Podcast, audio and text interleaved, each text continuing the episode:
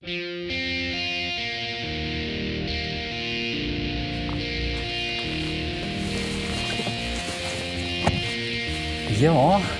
da er vi på utflukt igjen. Skal opp og snakke med brannmester Kjetil Bahus på Fana brannstasjon. Satser på de ikke får noen utrykninger nå, da. Hei og velkommen til Lokalt fortalt, en podkast om nyere lokalhistorie fra Bergen. I dag blir det muligens noe hett rundt ørene, for turen går denne gangen til den avtroppende Fana brannstasjon på Paradis. Og dagens gjest det er brannmester Kjetil Bahus. Og du, jeg tør å love deg at du kommer til å sove hakket bedre om nettene etter å ha hørt denne episoden her. Mitt navn er Markus Scholz, og jeg ønsker deg en feiende fin lytt. Denne podkasten er sponset av Rema 1000 Fjøsanger. Fana brannstasjon, ja, på Paradis. Det har jo alltid vært et litt sånn spennende sted å vite om. 1956 var han bygd, så han lå nå der i nesten 20 år før jeg eh, kom til verden. 30 år sikkert før jeg så han for første gang. Men uh, uansett, det blir noe spennende dette her. Få høre hva de gjør på der oppe. Nå skal det jo uh, Den skal flytte, eller Fana brannstasjon skal nå komme ut i Fana, i, i Rådalen. Paradis, eller Stasjonen på Paradis, stasjonsbygget, det skal etter sigende overtas og bli sånn nabolagshus. Det er en eh, dannet en forening, og naboene der har villet ha det til sånn nabolagshus og sånn. Så jeg har vært i kontakt med de òg, så de har jeg avtale om å snakke med litt seinere. Men det kan bli en egen episode, tenker jeg. Så får vi ta brannhistorien om huset og hvordan det er å være brannkonstabel, får vi kalle det der oppe nå.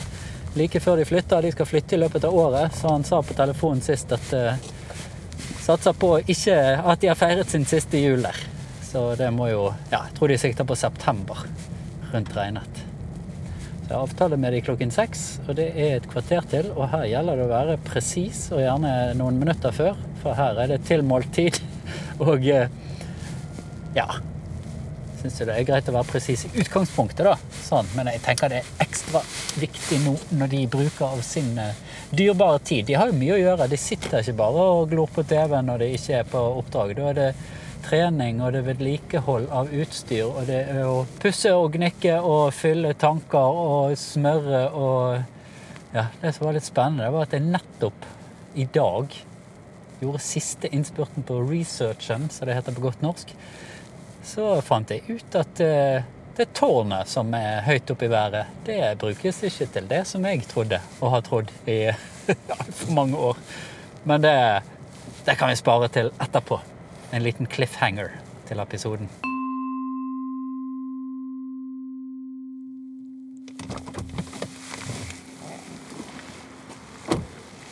Halloen! Hei! Er det Kjetil? Det er ja. Hei! Markus. Ja, Kjetil. Hei, hyggelig. Takk for det. Ja. Kan jeg stå her? Ja da. Står ikke i veien for uh, utrykning hvis det skulle bli det, i hvert fall. Vi får krysse fingre. Ja, det får vi gjøre. Og, eh, vi har vært ute to, to ganger allerede i dag. Og dere har det? Ja da, vi eh, Ja, jeg så den ene forresten med tørrkoking. Ja, det har ikke vært så veldig normalt. Nei. Så det eh, Jeg tenkte vi kunne bruke undervisningsrommet vårt som vi har her. Ja, perfekt. Du bare sier hei til meg. Hei. Veldig bra. Sånn brannmann, Brandmann. Det var det jeg tenkte at da må jeg ha, sånn at jeg ikke klipper her. Hei, hei. Kjetil Bahus. Er det sånn jeg uttaler det? Det er helt, det er helt riktig, ja. Veldig bra. Ja. Da har jeg fått lov å komme inn i Fana brannstasjon på Paradis med å eh, få snakke med brannmester i Brigade A. Rett og slett. Det, det sier Altså, brannmester, det betyr jo at du er sjef på bruket her, ville det si det? Ja, det vil si at jeg er sjef eh, på dette vaktlaget her. Eh, Dette så er én av fire vaktlag som til enhver tid eh, betjener eh, Fana brannstasjon. Ok. Ja, Så det er Ja. fire forskjellige grupper og fire forskjellige brannmestere? Riktig. Ja, så det er ABCD, da. Eh, Det er òg riktig, ja. Så enkelt er det. Nå fikk jeg poeng her, kjente jeg sjøl. Ja, det er veldig bra. Ja, fordi at det, brannmester betyr rett og slett sjef for brannkorps, ja. Eller kaller Ja, dere ja, det for brannkorps eh, lenger? Eh, nei, det er brannvesen. Så det, det er på en måte eh, sjef for denne utrykningsenheten. Akkurat. For, for samtidig nå så sitter det en, eh, en gjeng med en brannmester i Arna. Ja, Det sitter en gjeng med brannmestere. Så det er en brannmester for hver eh, brannstasjon. nettopp. Ja. Ja, Og så eh, i, i tillegg så har vi underbrannmestere, som regel. ja. Eh, og vi har eh, brigadeleder. Sånn at når vi er flere stasjoner, altså hvis det er større hendelser og vi rykker ut flere stasjoner, så kommer det òg en eh, brigadeleder som tar innsatsledelsen. ja. Ellers så er det jo eh, brannmesteren i den aktuelle stasjonen, distriktet, som har styringen. Ja. Og styring, det er jo alfa og omega her på, på bruket, og det har vi sett. Jeg har fått en liten eh, rundtur òg, så det Her har de kontroll. Dere har kontroll. Det er veldig bra. Men du er jo, apropos kontroll, du er jo ganske dreven i faget. Sånn som jeg skjønte, så har du vært her siden, eller i hvert fall vært inne i brannvesenet siden midten av 80-tallet. Ja, det er riktig. Jeg eh, begynte i Bergen brannvesen som 17-åring eh, i 86. Ja. Da eh, søkte jeg på flere lærlingjobber. Jeg hadde gått eh, maskin og mekaniker, og jeg kunne jo tenke meg istedenfor fortsetter jeg å gå på skolen. Jeg liker jo å, å jobbe og holde meg i aktivitet. Eh, så ville jeg i hvert fall ha en lærlingjobb.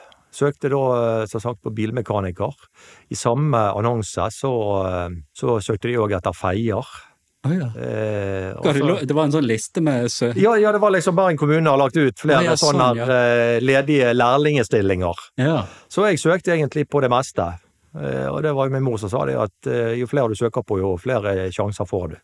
Lurer hun av moren din? Det har hun. Og, eh, og jeg fikk jo eh, respons og kom på intervju til Bergen brannvesen på den lærlingjobben som feier. Ja, jeg fikk veldig lyst på den jobben, og fikk den jobben. Ja. Og eh, endte med at jeg jobbet i, eh, i ti år som eh, feier.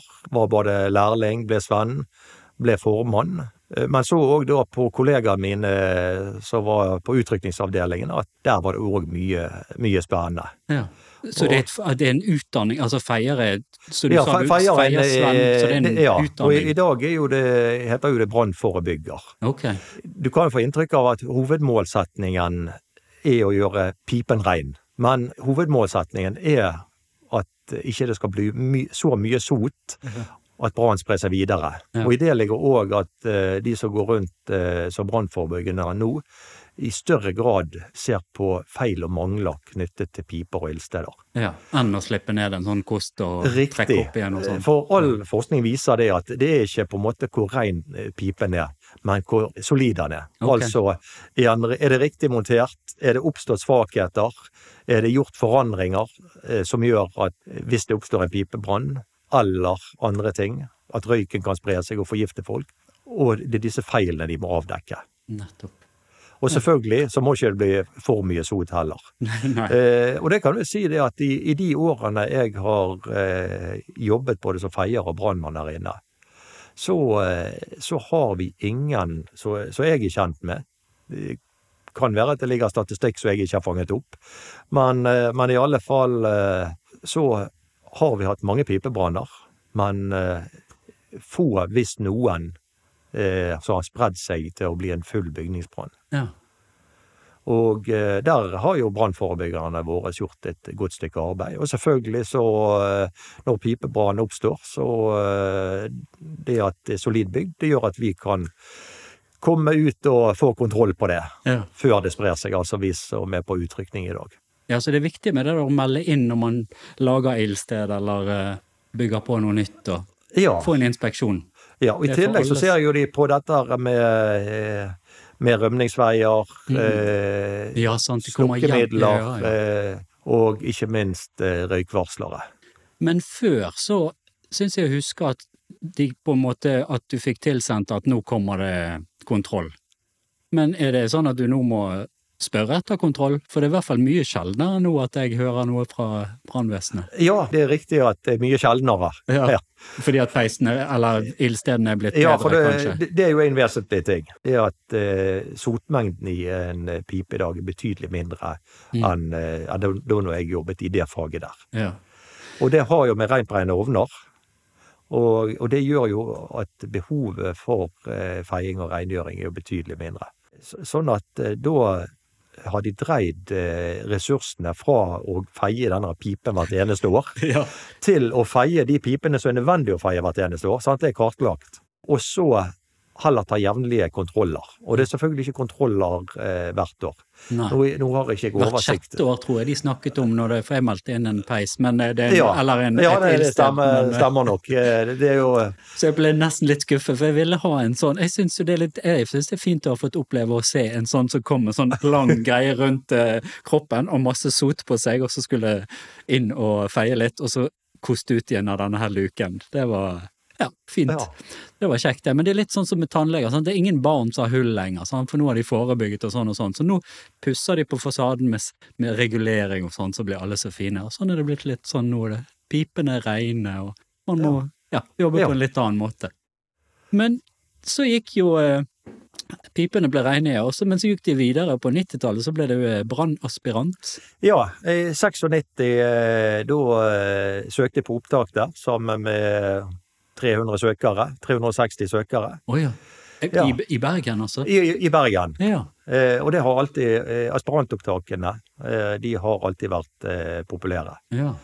Og, eh, og da er det jo gjennom både ja, teoretiske prøver, matte, norsk og fysiske og psykiske tester. Og de skal du både gjennomføre, men du skal òg ha poeng nok til å komme videre til intervjuet. Da jeg kom inn, så var vi eh, Av de 360 så var vi vel 120, mener jeg å huske, som kom videre til disse testene. Og det var basert på hva du hadde av poeng. Da fikk du poeng for fagbrev, sånn at du eh, i praksis så var du helt avhengig av eh, å ha et fagbrev. Mm. For ellers så kom, fikk, hadde du ikke nok poeng til å komme med. Nei. Og så fikk du poeng for den gangen for dykker, vanlig dykkersertifikat. Nå får får ikke du det, nå må du ha yrkesstyrkersertifikat for å få poeng. Førstehjelpsopplæring. Jeg hadde passet på i Forsvaret å ta mye utvidet til førstehjelp, og eh, et ambulansekurs tok jeg der òg. Det ga meg i hvert fall nok poeng til å komme på opptaket. Ja. Og så har jeg selvfølgelig trent eh, fysisk. Tre år før, i 93, så søkte jeg. Det var rett etter jeg hadde vært i militærtjenesten. Og da, eh, da kom jeg gjennom prøvene, men jeg hadde ikke klart å ta nok poeng for å gå videre. Å nei. Da var jeg slått på målstreken. Men da visste jeg det at eh, da eh, er det bare å trene enda litt mer. Og nå visste, da visste jeg hva jeg måtte trene på. Ja. Da visste, da, og det som vi så den gangen òg, det var jo det at de som kom inn i 93, det var de som hadde vært på opptaket før. Sant? Ja, ja. Så, ja.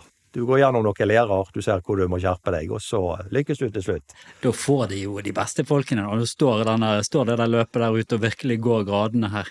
Ja, eh, det gjør at vi har, vi har mye motiverte folk her. Dedikert gjeng, Dedikert, sant? ja. Du har ikke sklidd inn her. Nei. Du har lagt et stykke arbeid i det, og mange har eh, gode visjoner i det å gå inn i denne jobben. Ja. Så, så har du ikke motivasjon, så gidder ikke du å gå i gang med disse Nei, nei sant. Og jeg så jo, når du, vi var på en liten runde her, så så jeg jo alt du faktisk altså, Du viste meg alt, alt man må kunne. Og takle og snu seg i situasjoner. Sant? Det, dere er alt mulig menn og, og damer. Jeg så Ja. ingen damer her, da, men jeg antar det finnes eh, noen Ja da, vi har ikke på dette vaktlaget, men vi har eh, på to av de andre vaktlagene her, så har vi, eh, har vi damer som er fast stasjonert der. Ja. Ja. Og så har vi ellers flere damer i, i brannvesenet, som òg eh, innimellom er opp her og tjenestegjør. Fabelaktig. Ja. Og så kom vi til 2005, og da fikk du fagansvar. Hva vil jeg si? Ja, jeg, jeg begynte jo først i Årstad brannstasjon. Kom opp her i 2002, for da eh, Vi hadde jo ambulansetjenesten òg. Oh, ja. Eh, fra Ja, så det, å ja, så det var ambulanser her i Ja, huset? og det var okay. faktisk grunnen til at jeg eh, kom opp her. For eh, som ambulansearbeider så eh, kunne du òg eh, få muligheten For vi var både brannmann og ambulansearbeider når jeg begynte. Okay, Så du ja. fikk opplæring i, i, i begge deler. ja. Og eh, som ambulansearbeider kunne du òg ta en tilleggsutdannelse og få det som den gangen kalte spesialførstehjelp, eller trinn to. Og, og det innebærer at du hadde blant annet eh, noen legefullmakter i forhold til å gi medisinsk eh, behandling okay. ute på skadestedet, Ja. og eller hjemme hos eh, den akutte syke. Og, og disse her eh, spesialførstehjelperne de var ikke plassert på alle. Alle brannstasjoner hadde ambulanse, men eh, det var det var vel Ås, Åsane, Laksevåg, og eh, hovedstasjonen Fana som hadde spesialførstehjelpere. Derfor, når jeg tok den utdannelsen, så ble jeg flyttet opp her. Det var òg mitt ønske. Mm. For her hadde du det som kaltes Bratt Landegruppen, Ja. eh, som ofte var omtalt som klatregruppen. Så, så den kom jeg òg med eh, i når jeg kom opp her, da. Og fikk da kurs i det. Og det førte meg videre. Det var jo noe som engasjerte meg veldig. I 2005 så overtok jeg det ansvaret, altså ansvaret for å utvikle den gruppen videre. Og, Ja, Jeg skjønte at den oppsto etter Hatlestad Eh, Nei, for, ja, ja, ja og nei. Okay. Jeg kan si Bratt Lende-gruppen. Ja. Den ble faktisk etablert allerede i 1988.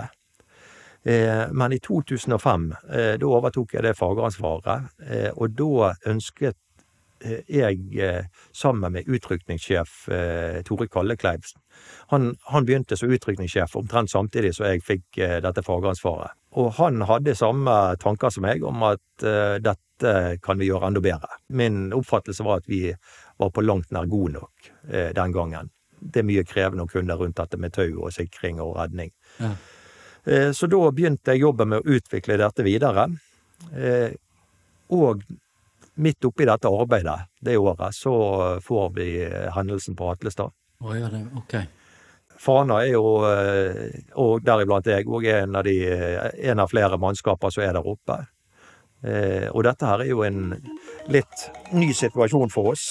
Skal vi se om jeg bare Jeg bare svare han, da.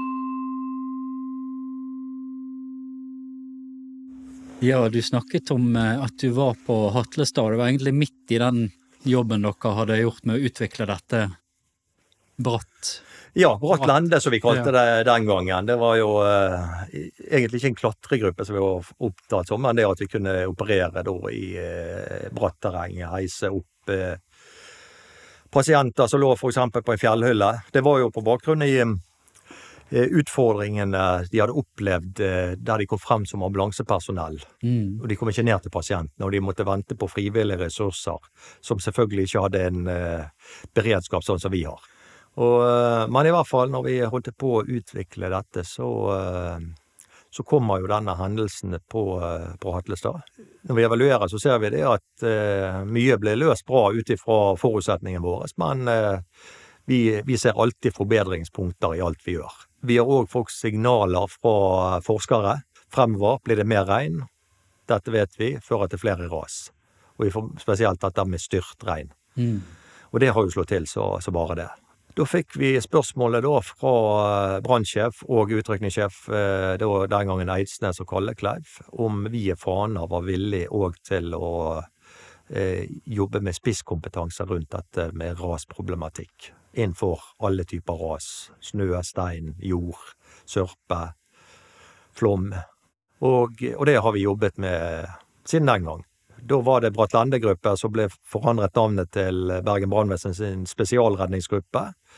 Eh, Men for noen år siden, for å tilpasse oss eh, internasjonale systemer, eh, og for å kunne samarbeide med de, så går det da under USAR-gruppen, som står for urban søk og redning.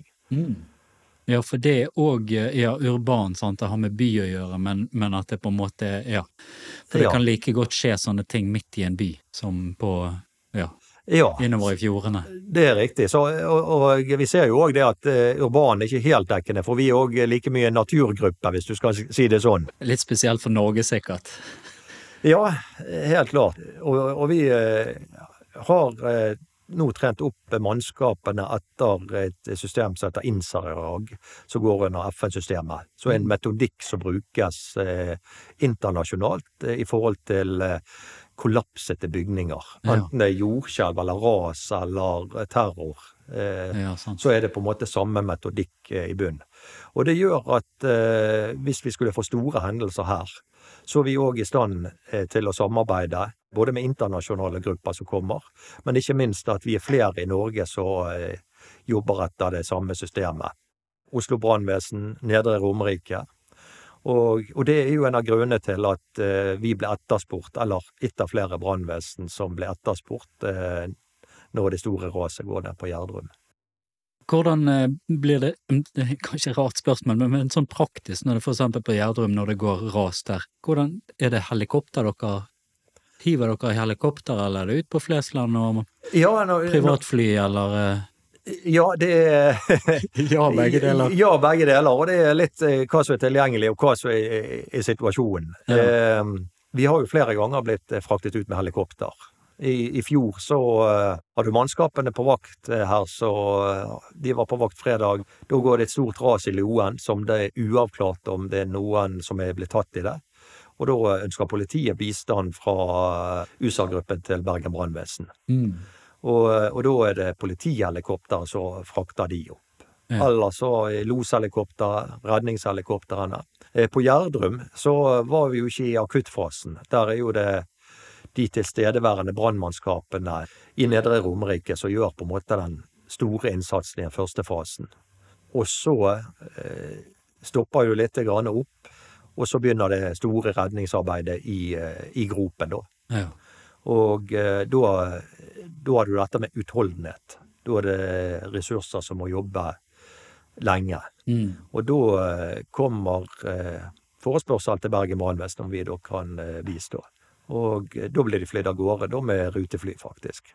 28 stykker står det, eller sto det at dere er i den gruppen ja, i Bergen? Det, det, det er riktig. En det, vi, stor eh, gjeng. Ja. Ja. Og vi har jo hatt en eh, betydelig økning i antall oppdrag. Og det er på en måte det spennet i tjenesten fra å kjøre ut med ATV opp i skiløypene på Totland til å hente ja, i trær. katter i uh, trær. Sjakk, De fleste brannstasjoner rundt og uh, redder katter, men noen ganger er litt mer krevende, og der du i større grad må sikre deg på en annen måte. Og da har vi utstyret til det. Ja. Eh, vi har jo dyreredning i den form av hester i myrer. ja, ja. Vi hadde en hest på Fjellhylle, så vi eh, hjalp eh, Samnanger brannvesen med for noen år siden. Det endte med at vi fikk sikret han og heiste han opp i et helikopter, så eieren leide inn da. Å ja. Så, så det er veldig spenn i, i det vi eh, gjør. Ja. Eh, ja, flere typer ras har vi vært eh, ute på. Ja. Eikedal, oh, ja. ja, Myrkdal. Ja. Og det mest spesielle var jo den i, i Eikedal, for der eh, eh, er jo det to mennesker som omkommer, og han ene som ble reddet, er jo en av kollegaene våre. Å ja. Eh, og han eh, ble reddet etter eh, og lagt under snøen i 70 minutter. Og eh, er vel nærmest bevisstløs når han blir gravd frem. Ja. Han, eh, ja, han hadde marginene på, på sin side. Ja. Du var litt inne på det med at folk var litt forskjellige steder og i nærheten. Og så så jeg et sted at når vi Du snakket òg om Nedre Romerike, at de har en sånn gruppe. Men så en sånn utlysning når de spurte, eller de utlyste etter nye brannfolk, så var det ene kriteriet, hva var det det sto, at de skulle bo eh, fire minutter eh, At de måtte kunne komme inn på fire minutter. Skulle bo i nærheten. Ja, hvor er, hvor er du på utlysning nå? Eh, nei, der, jeg, jeg bare klippet den fra et sted eh, jeg Ja. så på nettet, og så, så, så søkte jeg, og så kom det opp. Og det var litt interessant at det er sånn ideelt at brannfolkene bor i nærheten. Har dere en litt sånn eh, Nei, nei, vi har jo ikke sånn. Eh, og da er jo du eh, inne på dette skillet mellom eh, deltidsbrannmannskaper og ja, det var det det var, ja. Ja, ja. Ja, da har jo du eh, Os, for eksempel. Ja. Eh, de har jo eh, De har på dagtid så har de eh, mannskaper som er kasernert. Det vil si at vi er døgnkasernert. Her er det personal hele døgnet. Mm. På Os er de dagkasernert. Det vil si eh, etter kontortid eh, så må hendelser løses ut av innkallingsmannskaper. Okay, ja. Og da er det, sånn som jeg har forstått det der oppe, at de som er heltidsansatte, de er lederne på de forskjellige vaktlagene. Ok. Og da er det klart, da kan ikke du bo 20 minutter unna brannstasjonen. Eh, Ja, det er sånn å forstå her. ja. Ja, for jeg lurte på om det var sånn for alle, at de fleste var sånn ja, nei, hvis, å ja, du kan få jobben, men da må du flytte opp i nabohuset her. Nei, det er ikke helt ja. sånn. da. Nei, vi har jo en på laget. Han bor jo på, på Voss. Oh, ja. Så uh, men, men vi har jo det òg sånn at uh, vi er jo bemannet eh, sånn at vi skal løse det meste ut av det som skjer. Ja.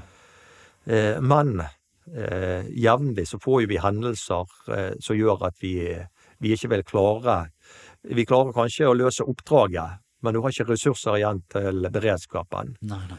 og mannskapene blir trøttet ut etter langvarige innsatser, da, og du må ha friske folk inn. Ja. Så, eh, så da sendes det ut innkalling, og det, gjør det gjøres det flere ganger i året.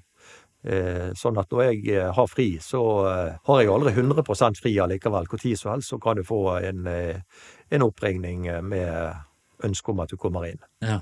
Og da er det først et ønske om at folk kommer inn, og stiller det nok, så, så er jo det flott. Mm. Men hvis ikke, så har jo brannsjefen beordringsrett. Så da er bare med ett øye åpent, Ja. ett øre. her. Ja da. Nei, vi sover godt om natten hjemme. Noen ganger så har jeg òg måttet eh, takke nei på den telefonen, og det er faktisk typisk hvis det, hvis det skal på vakt om morgenen. ja, ja. Eh, så er det lite smart at eh, Sånn som for eksempel inne i Hardangerveien, når det brant der. Eh, da kom jo alarmen eh, til vi som hadde fri, på telefonen i eh, halv tre-tiden eller noe sånt. Men da eh, svarer jeg nei, for jeg vet jo det at jeg skal på, eh, på vaktdagen etterpå. Og da eh, er det dårlig eh, start på den vakten hvis jeg ikke har sovet. ja sant. Var det da- den store brannen med Espeland leir der, det? Som var Eh, Ja, det, nei, det var da inne med Hardangerveien, den eh, inne med Kjell stasjon der. Oh, ja. Den blokken, den som tok full oh, ja, den, ja, ja, den som var de så etterkant at der var det noe underlig bygge... Ja, det var jo full fyr når våre mannskaper kommer inn. eh, Der, det er automatisk eh, brannmelder eh, som går direkte til, til brannvesenet, og syv-åtte minutter så er vi der inne, og da er- brenner hele fasaden. Ja, Det er ikke sånn eh, sånn skal det ikke være. Sånn skal det ikke være. Så, så da er brannvesenet interessert i ikke hva som startet med brannen. Det er politiet interessert i. Ja. Selvfølgelig vi òg. Men vi er mer interessert i hva er det som gjør at den brannen blir så stor så fort. Mm. For vi vet at eh, det er masse, masse som vil starte branner, og branner starter jevnt og trutt. Ja. Men vi må òg, spesielt brannforebyggende avdeling, ha en klar formening om hva som kan begrense den brannen, sånn at vi kommer frem og hindrer eh, at den får spre seg. Utstyret vi var inne og så på, så var det forskjellige biler, og du var inne på ATV og tankbil og spesialbiler og sånn, og dere har tre biler. Jeg bare tenker litt på Fana brannstasjon som er her. Nå skal jo dere flytte opp. Antar, det no, skal det slås sammen forresten med noe, eller skal den bli nei da, det, det blir vi som skal flytte opp. Samme gjeng og samme utstyr og ja. Og det er rett og slett for Fana brannstasjon er egentlig feilplassert i forhold til Fana distrikt. Så må rett Og, og det har det vært i mange år. U- ja, ja, ja. Du har eh, steder i eh, Sånn at når vi får ny brannstasjon, så er det mange innbyggere i Fana som nå får en bedre beredskap. ja. Det vil si at de får eh, i ytterkanten brannvesenet kjappere på plass ja. enn eh, en de gjør i dag. Ja. Og, og det er ikke fordi at vi er treige ut, vi bruker maks 90 sekunder ut døren. Men vi har litt kjøretid ut til, til f.eks. Milde. Mildeheimen eh, må ha ekstra tiltak fordi at de har så lang eh, Det er så lang kjøretid fra brannstasjonen til eh, Mildeheimen. Men nå vokser jo òg, og har vokst, Bergen vokser jo, og det vokser og vokser og vokser. Har har det ikke vært en idé å ha begge steder? Jo, eh, det, det kan, kan du si, Nei, men eh, ikke ta den. Nei, nei da, men eh, der, der har jo du eh, veisystemet vårt òg. I tillegg til eh, at det vokser, så har du veisystemet vårt. Og i hovedstasjonen så er det jo to, eh, to biler, to ut, utrykningsenheter. Ja. Der er de eh, minimum 13 mann på, på vakt. Eller 13 personer. ja. Og, eh, og det som vi ser, hvis vi, eh, hvis vi får utrykning eh, i retning nedover Store Tveit, Vergeland, så treffer vi hovedstasjonen. eh. Vi hadde nede Store Tveitveien, der eh, hadde vi en brann for eh, to-tre år siden.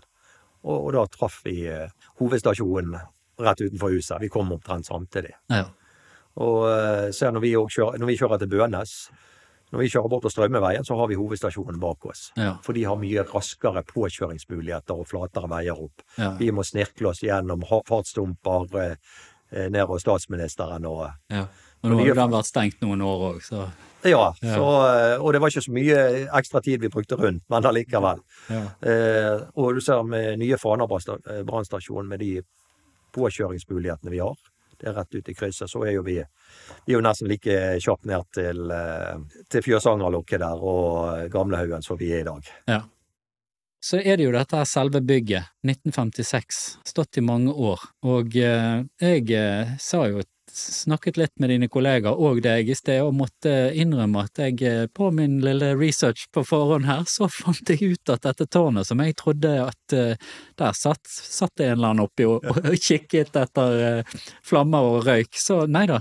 Det er, brukes til, eller blir brukt til, tørke brannslanger. Så da lærte jeg noe nytt. Det håper jeg mange av lytterne òg gjør. Jo, jeg skjønte sånn at Skansentårnet, det hadde vel en sånn, eh, en sånn funksjon, mens her var det rett og slett tørking av brannslanger.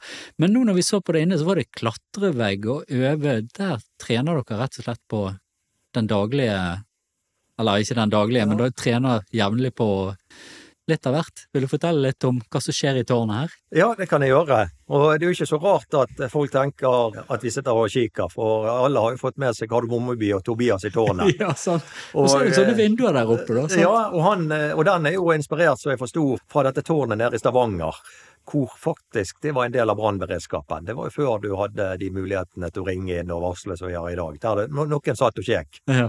Eh, og det er riktig som du har fått med deg. Eh, opprinnelig så var jo det bygd for å tørke slanger. Når de bygget eh, Laksevåg brannstasjon, så ble det montert et slangevaskeri der ute. Litt mer moderne enn det som de hadde der. De har nettopp faktisk skiftet ut det igjen. Men i alle fall etter brann så går alle slanger ut til Laksevåg. Der blir de reparert og uh, vasket og uh, sendt ut igjen. Ja, for de får ha med et medfart, disse her ute i felten?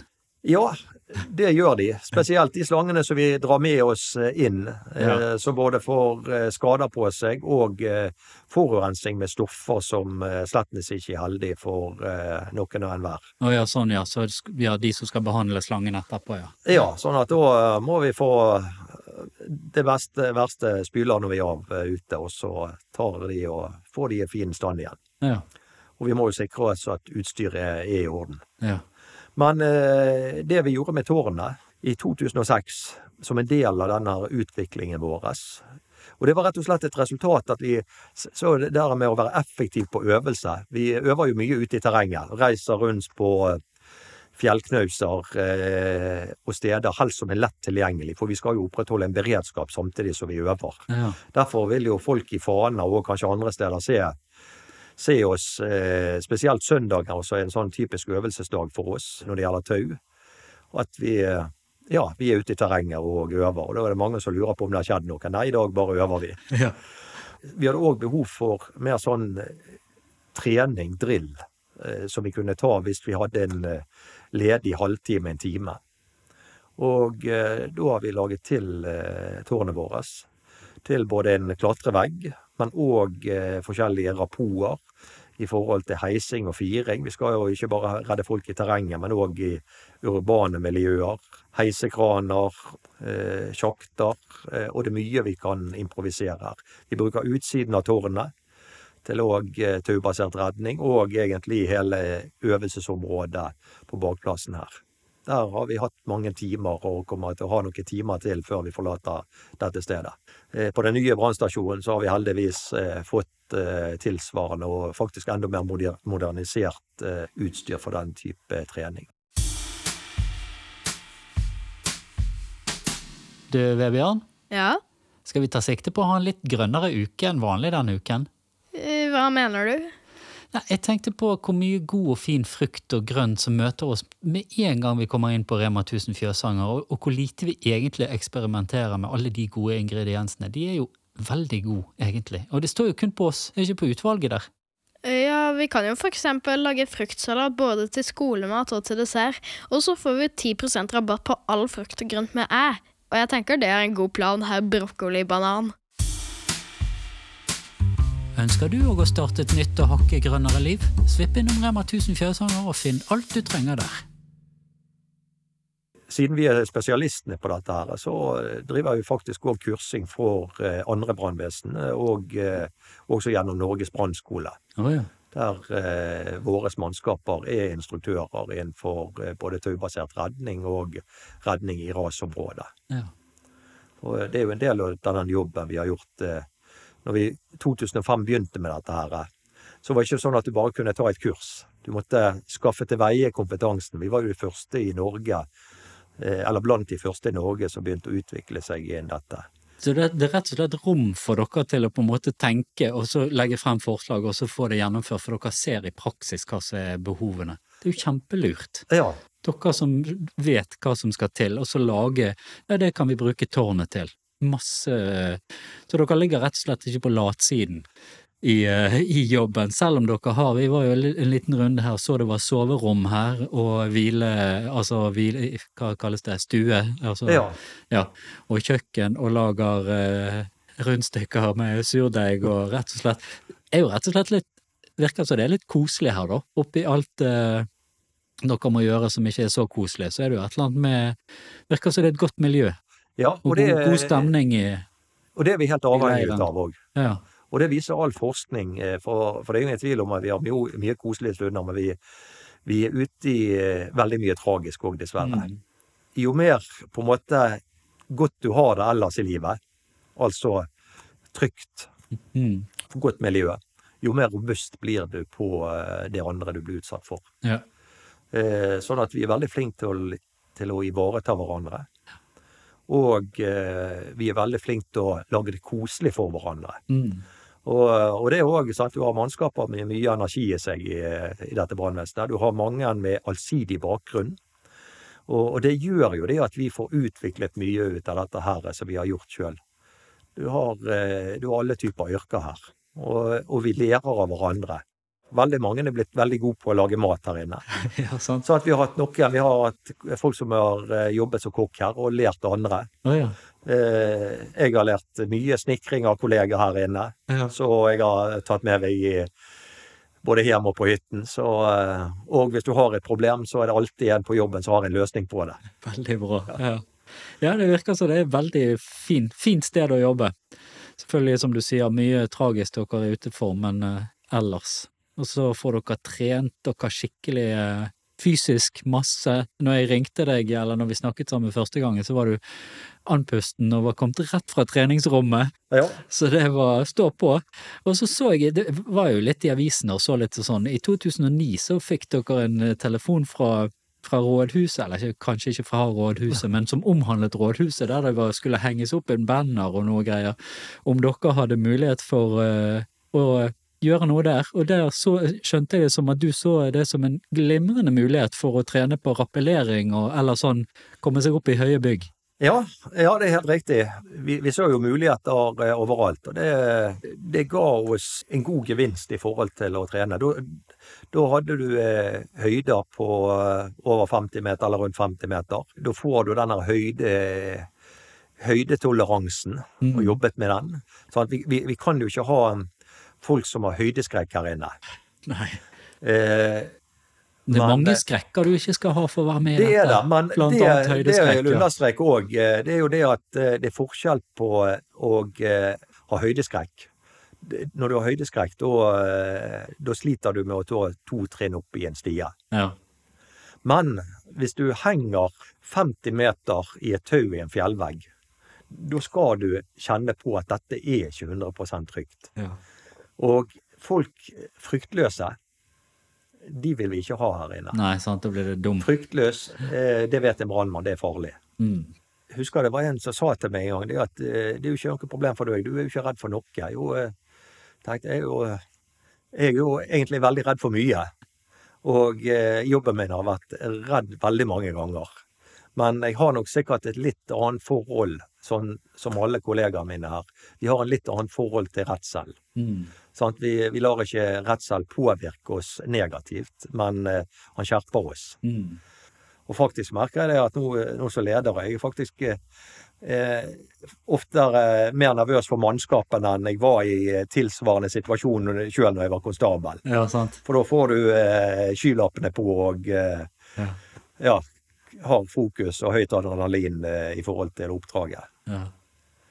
Og så er jo vi optimister og tror at eh, det går alltid bra. Ja, Det er veldig, det er et godt utgangspunkt. Dra ja, ut med å tenke at dette skal vi få til. For min del så blir en del av oppgavene mine når vi er igangsatt, og så faktisk ha et skritt tilbake og få oversikt. Er det noe jeg har oversikt? Mm. Noe eh, som kan true sikkerheten vår eller mannskapene sine. Det er litt som Dere er jo litt sånn piloter på bakken, men som hele tiden får sånne Altså, et, et fly går ofte på autopilot, og det går ganske greit og sånn, men mens dere er på en måte sånn som du sier, lite tilbake, eller trekke litt tilbake for oversikten, og så hele tiden sjekke hverandre han Veldig på. Ja. Virker veldig, veldig spennende. Eh, samtidig så jeg tenker jeg gått hele tiden, som du sier, med denne litt sånn dårlige samvittigheten det er helt sikkert noe jeg har glemt, eller et eller annet som går hele tiden og frykter det der. Men uh, vi er veldig glad for at uh, det finnes mange, mange, nok av dere. Eller det, kanskje det ikke er mange nok, eller er det helt greit dekket i Bergen? Ja, eh, nå er det heldigvis ikke meg som skal, skal avgjøre det. Det er Nei. jo eh, brannordningen som, eh, som, vi har i Bergen, som bestemmer det. Ja. Og, og, det er jo eh, folk her inne som jobber med. den. nå har de akkurat gjort et utkast til en ny, eh, ny brannordning. Det er jo sånn som må fornyes. Så når det øker på med innbyggere, du, du får flere eh, Tettere? Mye tettere, sant? Ja. For flere, mer industri, ja. nye risikoer, så må jo det revurderes. Har vi nok mannskaper? Mm. Eh, og så er det jo eh, noen eh, fagpersoner fra brannvesenet som kommer da med med forslaget. Og så er det jo en politisk avgjørelse til slutt. Ja. Men så ligger det jo eh, føringer fra, fra, direktoratet, fra myndighetene. Ja. Så du kan ikke gjøre så, så du vil. Du kan, eh, Bergen kommune kan jo ikke sagt det at nei, vi sparer penger, vi legger ned brannvesenet. Takk og pris. ja. det tror jeg kunne blitt, eh, blitt dyrt. Ja. Vi, eh, vi, redder eh, betydelige verdier eh, hvert år. Følelsen min som menigmann og vanlige borger i byen er at det, jeg det føles ganske trygt når det kommer til det der, altså. Det må jeg si. Sant? Det er mange som tenker på at politiet er underbemannet, og det er lite, og det tar lang tid når man ringer og sånn, men uh, brann og ambulanse virker det som at uh, folk er fornøyd med, holdt jeg på å si, hvis jeg kan kalle det fornøyd med, men at, at folk føler seg trygge ja. på, på, at man har dekning. ja, for, for du er på et godt poeng òg. For det at brannvesenet skal ikke bare redde når ting går gale men vi skal òg være en garanti for tryggheten. Mm. Altså, vi som innbyggere, vi skal føle oss tryggere. Ja. Og, og, det er sånne enkle ting. Hvis du ser utenfor brannstasjonen eh, her når vi har vært ute på oppdrag, når vi kommer tilbake, så spyler vi bil hver gang. Ja. Det var noe som vi lærte av våre ledere igjen. Eh, det at eh, vi skal òg selge trygghet. Mm. Utstyret må se bra ut. Mm. Vi kan ikke kjøre med en skitten bil den utstråler ikke trygghet. En skinnende flott brannbil utstråler trygghet. Og, og uh, publikum skal, skal, føle seg trygg. Mm. Så, um, og det er en verdi i det òg. Godt poeng, absolutt. ja. Og jeg har jo lagt merke til av og til, jeg vet ikke om det er her eller hvor jeg har sett det, men at sånn som sommeren, og gjerne så er det åpne garasjer og sånn, og du ser at det vedlikeholder utstyr, akkurat det som du sier, sant, at det, om man ikke tenker på det, så er det i hvert fall en følelse man får av at å ja, ja, er det orden på ting. Ja, ja og det, vi bruker mye tid eh, på det òg. Eh, hver morgen starter jo med eh, Har et vaktskifte. Og så går vi ut og kontrollerer utstyret. Ja. Og det til tross for at vi har mannskaper som nettopp har levert fra seg utstyret. Ja. Som i utgangspunktet skulle jo tro du kunne stole på. Men det var som en annen kollega av meg sa. Jeg stoler ikke på noen, aller minst meg sjøl. Ja. Og det med dette her, vi kan gjøre feil, vi kan glemme, og det må vi fange opp. Ja. Og det gjør vi med å ha hyppige vaktskifte klokken åtte hver morgen. Da eh, fanger vi opp ting. De har gjerne vært ute om natten, brukt mye utstyr. Og så er gjerne én ting eh, glemt. Den er gjerne ikke kritisk, men nok til at det skaper stress. Mm. Dette må vi få fanget opp og funnet ut av. Stort sett så er det jo det ting på, eh, ting på stell, men av og til så finner vi ting som vi får ordnet opp i. Ja. Går nok i stykker i løpet av vakten, så må vi få ordnet det eller erstattet det. Ja. Litt sånn som så Forsvaret. Vi var jo i Forsvaret, og der er det litt sånn at da er det på vaktskiftet så er det en sånn formell og god overlevering, sånn at du vet at neste lag har eh, kontroll på tingene, og at man overleverer med en litt sånn, kaller det en stolthet, da. I, ja. ja. Det er veldig bra, det. Vi har jo masse eh, mannskaper her inne som har bakgrunnen bakgrunner fra Forsvaret utover eh, førstegangstjeneste. Mm. Så eh, ja. ja. Så kommer fra spesialavdelinger og ja. Staute karer. Ja da. Og damer. Vi må ikke glemme disse de, damene. de, eh, Det er så lett å snakke om brann- brannmannen og sånn. Når man er vokst opp eh, for en stund Ja. siden, så er det jo ja, den korrekte Så det- betegnelsen er jo brannkonstabel. konstabel, sant. Ja. Ja. ja.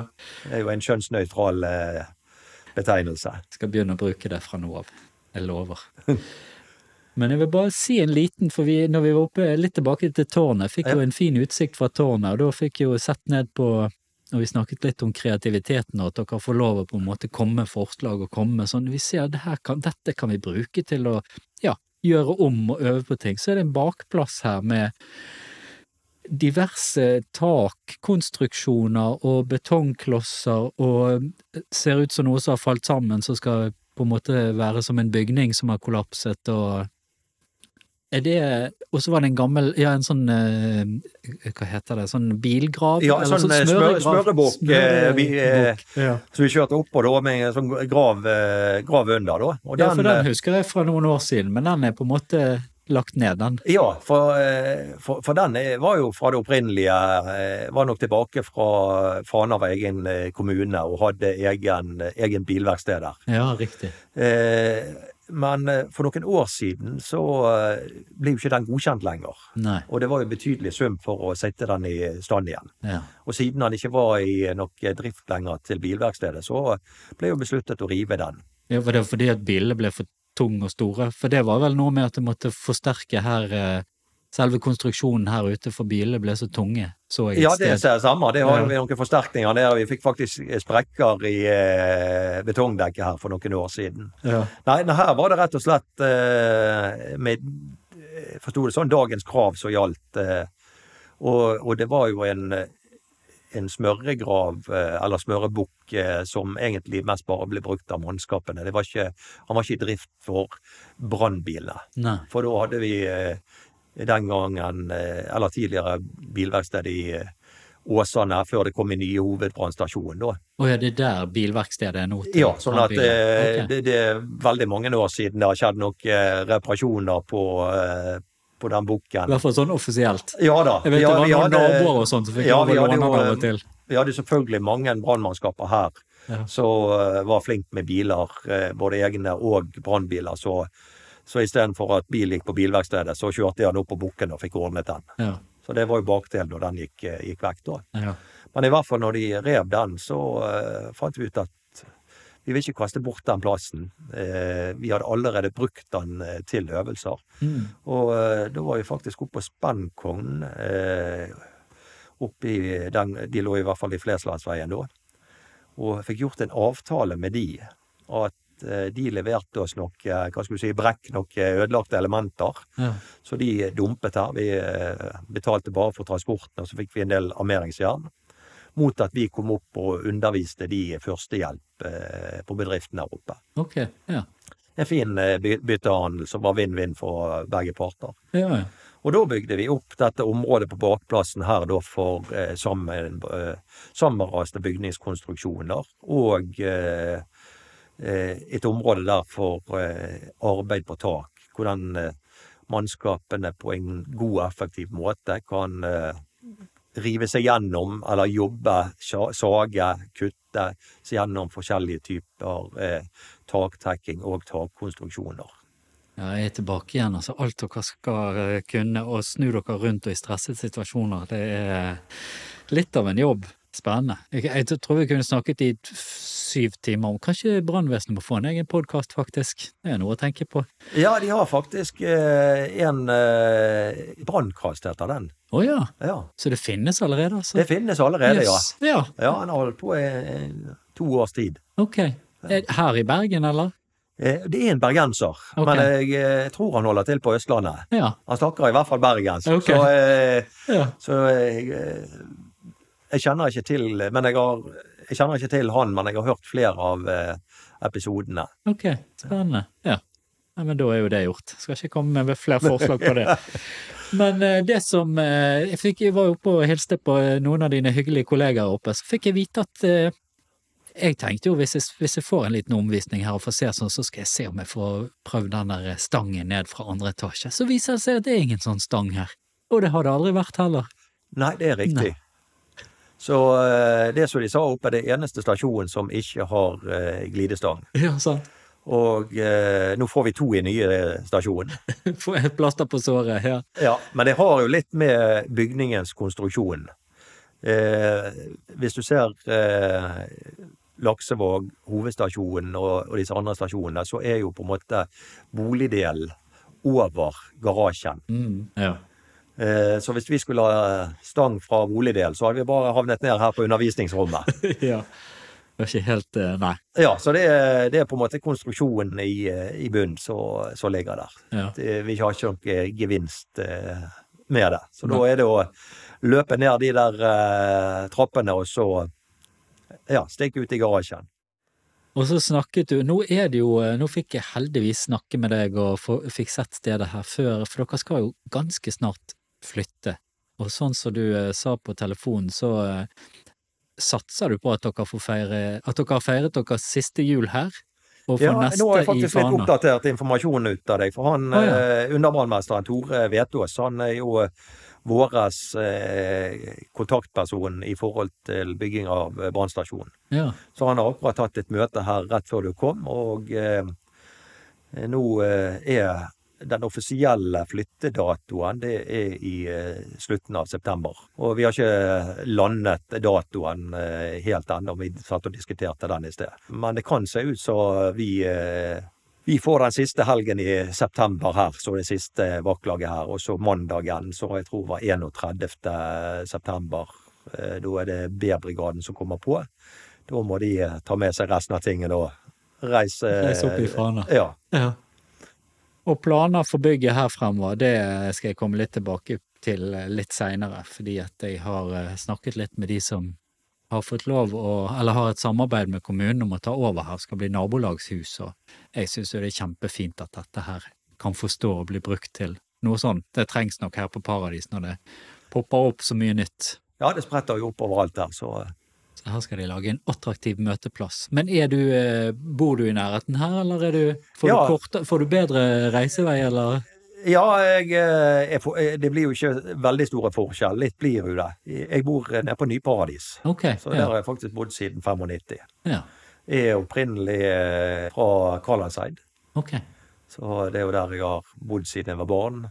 Eller egentlig begynte på mannsverk, og så, og så mesteparten av livet på, eh, på Kalandseid før jeg eh, Eller mesteparten av ungdoms, barne- og ungdomslivet på Kalandseid før eh, vi flyttet ned her. Så da har vi blitt boende, meg og min kone. Og ja, våre barn etter, som etter hvert er blitt voksen. Ja. Ja. De, går de av dette? Skal de òg bli brannkonstabler? Nei da, de er nok ikke der. Det, det, blir nok ikke nok eh, flere brannkonstabler fra, fra min familie. Nei, for jeg skjønner det er noen der det går litt Vi snakket jo litt i sted her ute om at det var en far og en sønn, og det var litt sånn at det gikk litt i arv hos noen, da. Ja da, vi har eh, en del her. Jeg tror nok det kanskje var vanligere før i tiden. Ja.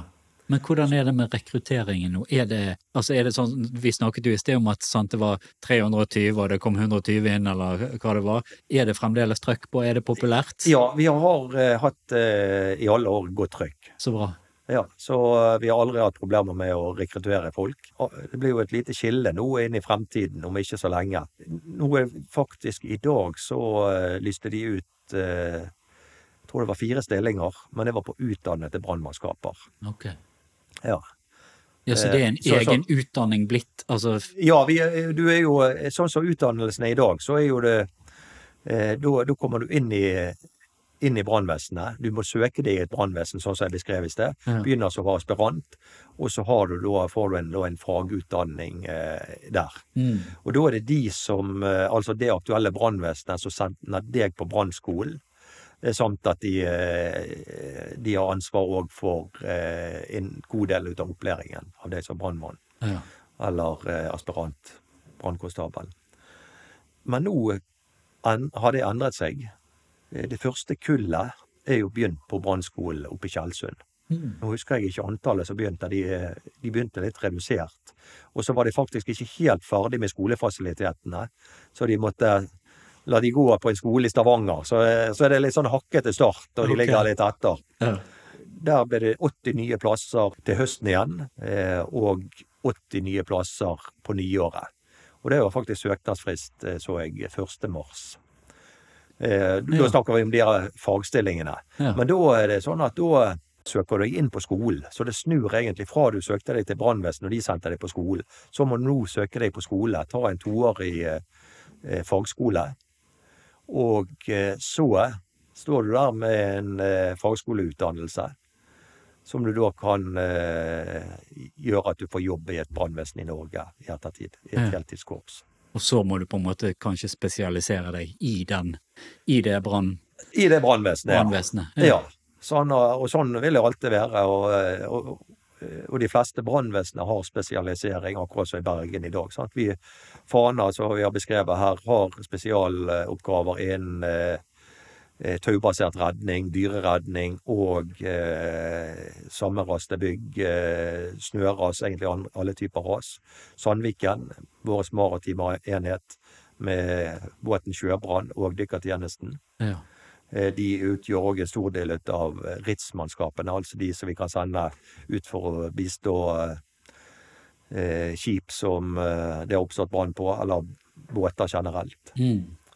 Eh, Laksevåg, de, har, eh, spesial, de er spesialister innen eh, eh, farlige stoffer, da. Eh, Farlig gods, som vi kalte det eh, før. Som går egentlig i alt, innenfor alt som er farligere. Gasser og radioaktive stoffer og oljesøl og den biten der. Mm. Åsane har vi et eh, veldig godt samarbeid med. De har eh, tung bergning i forhold til trafikkulykker, men de bistår og, og, også med støttemateriell ved sammenraste bygg. Der, eh, hvis vi skal inn og søke, så har de utstyr for å kunne være med og sikre ustabile bygningsdeler, så ikke dette raser i hodet på oss. Eh, de har òg tyngre løfteutstyr, sånn at hvis det er enda tyngre gjenstander vi klarer med våre løfteputer, så kommer de med enda større løfteputer og enda mer kraft. Sånn at vi har en liten bil som kommer fort frem. De kommer frem med en større container med enda tyngre utstyr. Da. Det er behov. Ja. Alt, alt fra å redde kattunger og svaner til løfte store det, Jeg føler meg veldig mye tryggere etter denne samtalen her enn jeg noen gang har gjort. Ja, nei, men det er flott. ja, veldig kjekt Ja. å høre om, eh, om bakgrunnen her. Nå var jo utgangspunktet at jeg kom til Fana brannstasjon, for det var liksom sånn bygg, og dere skal flytte og alt sånt som dette. Men det er jo veldig spennende å få hele det der, hva, hva skal jeg kalle det, hele miljøet. Det er at dere samarbeider og har forskjellige spesial rundt om i bydelen og sånn, så det er veldig, veldig Ja, og det er mye som har endret seg òg de årene jeg har vært eh, Det er et helt annet brannvesen jeg jobber i i dag, Ja. enn jeg, eh, enn jeg begynte i. Ja, nå har du vært her i, hva var det du sa, siden midten av 80, Ja, ja, slutten, ja, feierlærling i 86, men du Ja, begynte og så 96 ja. og brannaspirant. Eh, og eh, Snart 30 per 2002 her i Fana. Og, Ja. ja. Så, så det er mye som har endret seg, men det er mye som er make òg, altså. Det er mye gjenkjennelig. Flammer er flammer, nei. Flammer er flammer, ja, det er det. Flåsete Eh, sagt, vi har, eh, Men vi har jo selvfølgelig eh, Det er jo så mye mer, sant. Det er Ja, jo det har- som du sier. andre typer slukkemetoder. Vi har eh, andre typer verktøy i dag. IR-kamera, det hadde jo ikke nå begynt der. Da måtte vi søke i blinde. Ja. Det må vi fremdeles, for det er ikke alltid røyken eh, er av en sånn karakter at vi klarer å se allikevel med IR-kamera. Er det mye dugg og alt dette. Men eh, det er en god hjelp i veldig mange situasjoner. Så ser vi inn og ser personen ganske raskt hvis han er der inne. Ja. Det, og vi finner branner, skjulte branner i konstruksjonen med dette kameraet. Ja. Så jeg viste deg ute òg. Vi bruker mye teknologi på veien frem. Henter informasjon om eh, huset, nabolaget, spredningsfare. Vi starter alltid morgenen med å finne hvilke veier er åpne, hvilke tunneler kan være stengt, og kan vi passere? Er det raskere å kjøre rundt hvis de holder på med arbeid der?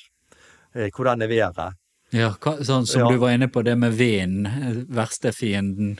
Ja, og alle mannskapene vet det at i dag er vi på skredvarsel eh, faregrad 2. Ja. Det går vi gjennom. Plutselig eh, så er vi eh, på vei til fjells. Mm. På uh, Gullfjellet eller, eller i nabokommuner. For vi, er ikke bare, vi dekker jo ikke bare Bergen brannvesen. Vi er en del av Vest brann og redning. Det er egentlig alle småkommunene i eh, eh, som ligger under 110-sentralen. Og i den pakken til Vest brann og redning så eh, ligger det òg at vi kan eh, bistå eh, disse mindre kommunene eh, som har innkallingsmannskap, og selvfølgelig ikke har mulighet til å trene spesifikt på, på våre spesialområder. Mm. Sånn at da kan vi bistå både med kompetanse og utstyr og mannskap. Ja. Og det gjør vi òg jevnlig.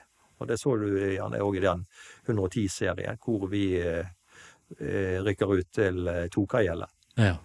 Og, eh, og det er jo i Kvam kommune, da, men da er det de som ønsker vår bistand, av dette vårt spesialområde. Det å kunne fire seg ned i, ja, i et elvejuv. Ja. Det har de eh, verken utstyr eller opplæring. Eh, De har utstyr til å kunne fire seg ned, men de har ikke utstyr til å heise noen opp igjen. Nei. Så eh, faktisk uken før dette tragiske skjedde der oppe, så, så hadde de en hendelse med en så, nei, to stykker som falt utfor, faktisk i Tokagjellet. Ja. Og da meldte brannvesenet at vi, vi firer oss ned og sikrer pasienten, men Bergen må komme og heise oss opp igjen sammen Mm. med pasienten. Og det ble gjort. Så da rykket mannskapene ut herifra og ja, fikk heist det opp igjen. Den gangen gikk det heldigvis bra. Ok.